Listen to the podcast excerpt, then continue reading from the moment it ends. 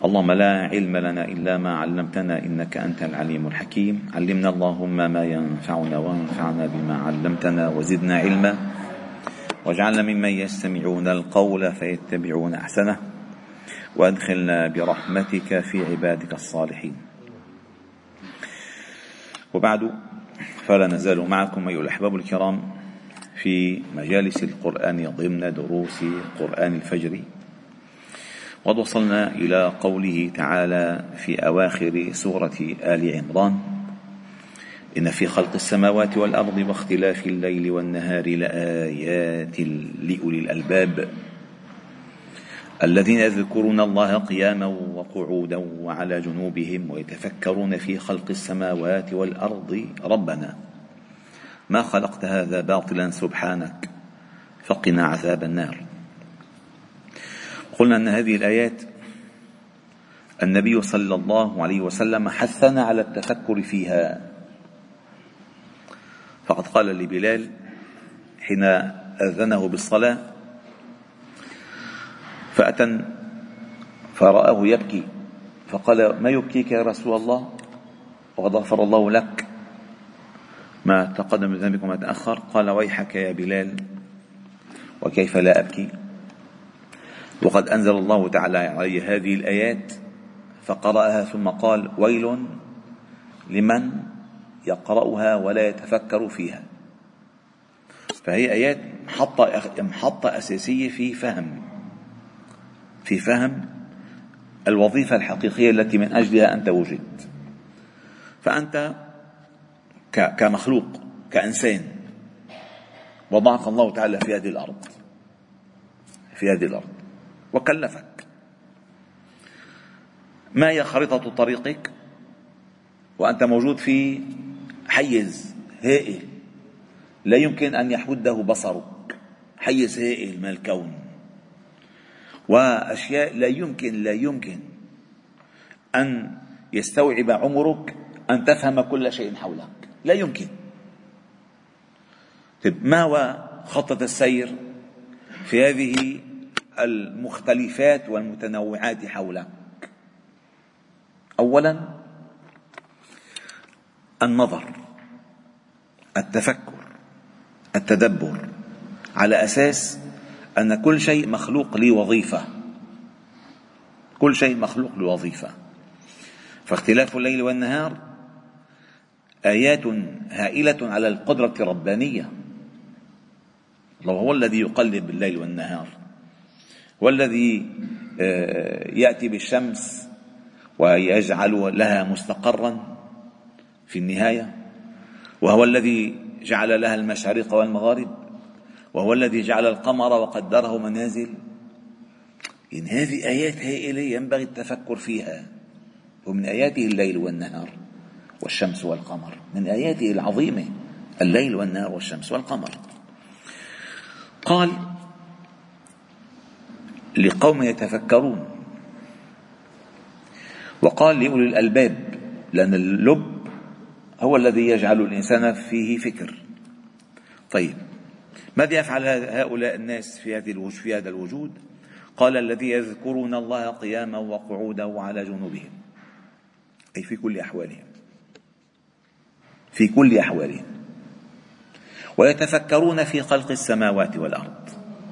أي يذكرون متفكرين. والذكر بلا فكر حقيقة لا قيمة له. الذكر بيكون لساني فقط. أما عندما تريد أن تأخذ الأثر له من والنور ينبغي أن يكون مقرونا بالتفكر. النقطة الأساسية التي وصلنا إليها ربنا ما خلقت هذا باطلا سبحانك فقنا عذاب النار. أي كل ما يقع بصرك عليه فأنت تعلم أنه مخلوق لحكمة. ما خلقنا السماوات والأرض وما بينهما إلا بالحق وأجل مسمى. وما خلقنا السماوات والأرض وما بينهما لاعبين. وما خلقنا السماء والأرض وما بينهما لاعبين. لو أردنا أن نتخذ لهوا لاتخذناه من لدنا إن كنا فاعلين بل نقذف بالحق على الباطل. إن أنت في رؤيتك هذا الخلق ترى ظهور الحق على الباطل. فيدمغه فإذا هو زاهق ولكم الويل مما تصفون.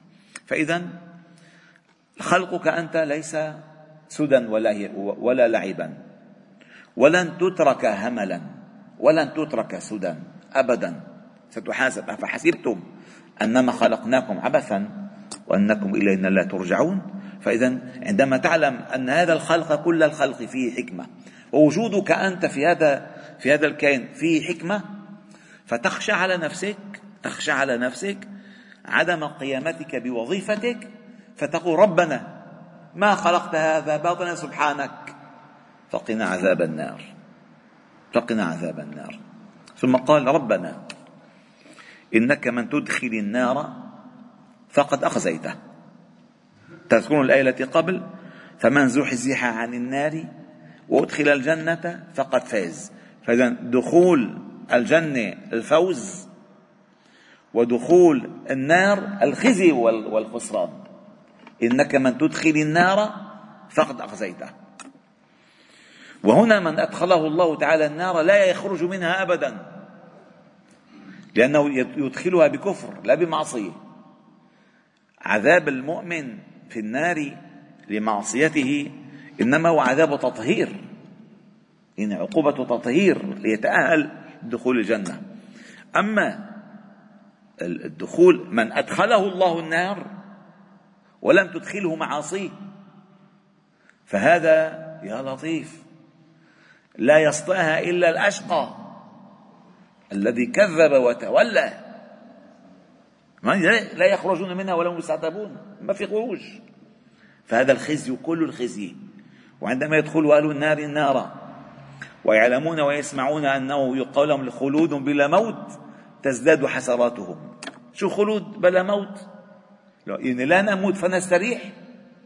لا نموت فنستريح ولا نخرج أبد. أعظم شيء في العذاب أيها الأحباب الكرام أنه أبد. أبدي. خالدين فيها أبدا. وأعظم شيء في النعيم في الجنان أنهم خالدين فيها كذلك أبدا. الأبد.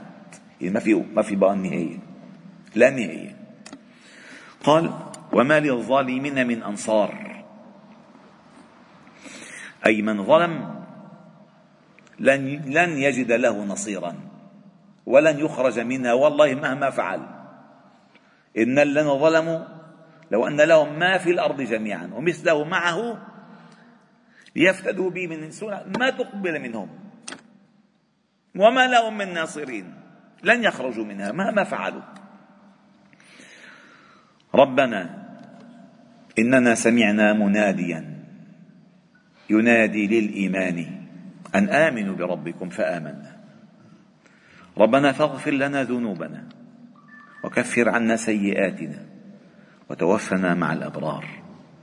هذا المنادي على أغلب أقوال المفسرين والصحابة والتابعين أنه النبي صلى الله عليه وسلم هو الذي نادى إلى الله أي هو الذي دعا إلى الله. لأن المنادي يدعو المنادي يا فلان إن يدعوك. فهو المنادي الذي دعانا إلى الإيمان دعانا إلى معرفة ربنا الرحمن. إننا سمعنا مناديا ينادي للإيمان أي لقضية هائلة أن آمنوا بربكم. فآمنا.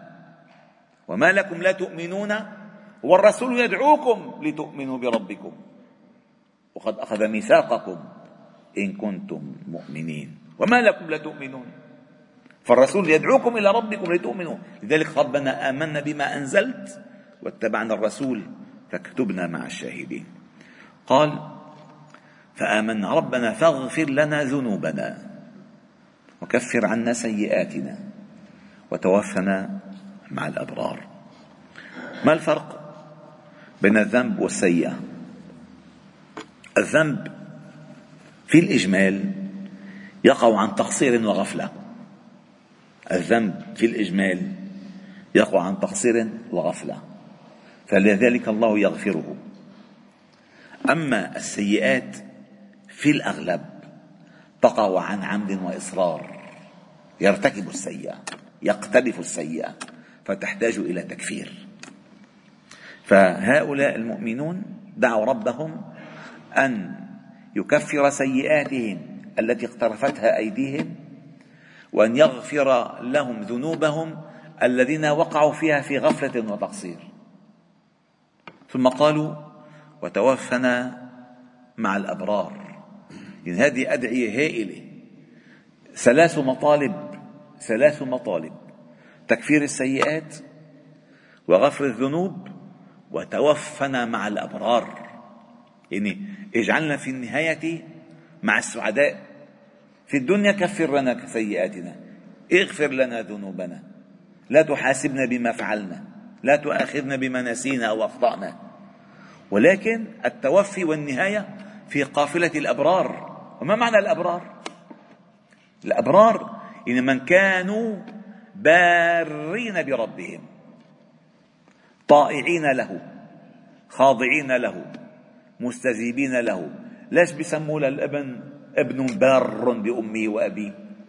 لأن بيسمع لهم كل شيء. يسعى دائما في إرضائهم. ما بيلحقوا يقولوا حرف الكلمة إلا بيكون جاهز.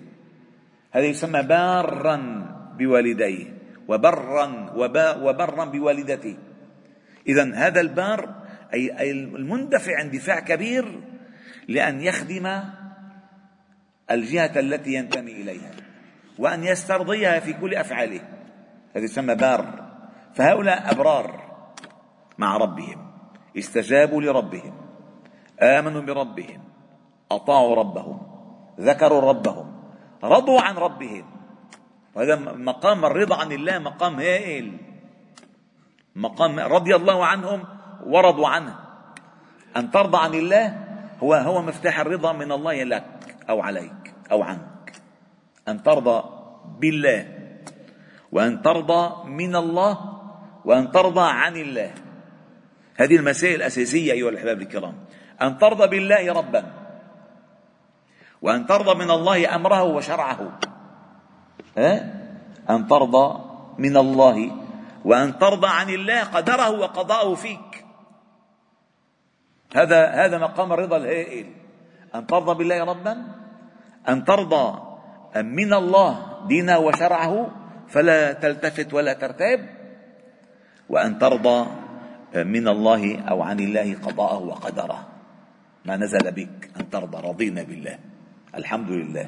قال قال الله تعالى للملائكة عندما قبضوا ولد فلان قال قبضتم ثمرة ثمرة فؤاده؟ قالوا نعم وهو أعلم. فقال الله لهم ماذا قال؟ قالوا حمدك واسترجع قال الحمد لله إن لله وإن راجعون. قال ابن لبيت لعبد لعبدي بيتا في الجنة وسموه بيت الحمد. خلاص رضيت عنه. ليش؟ لأن رضي. فمن رضي فمن رضي فله الرضا. ومن سخط فله السخط فالله تعالى نسأل أن يرضينا بما قسم الله لنا وأن يرضينا بقضائه وقدره وأن يستعملنا فيما يرضيه عنا. والحمد لله رب العالمين. سبحانه وبحمدك نشهد أن لا إله إلا أنت. نستغفرك ونتوب إليك. وصلي وسلم وبارك على محمد وعلى آله وأصحابه أجمعين. والحمد لله رب العالمين.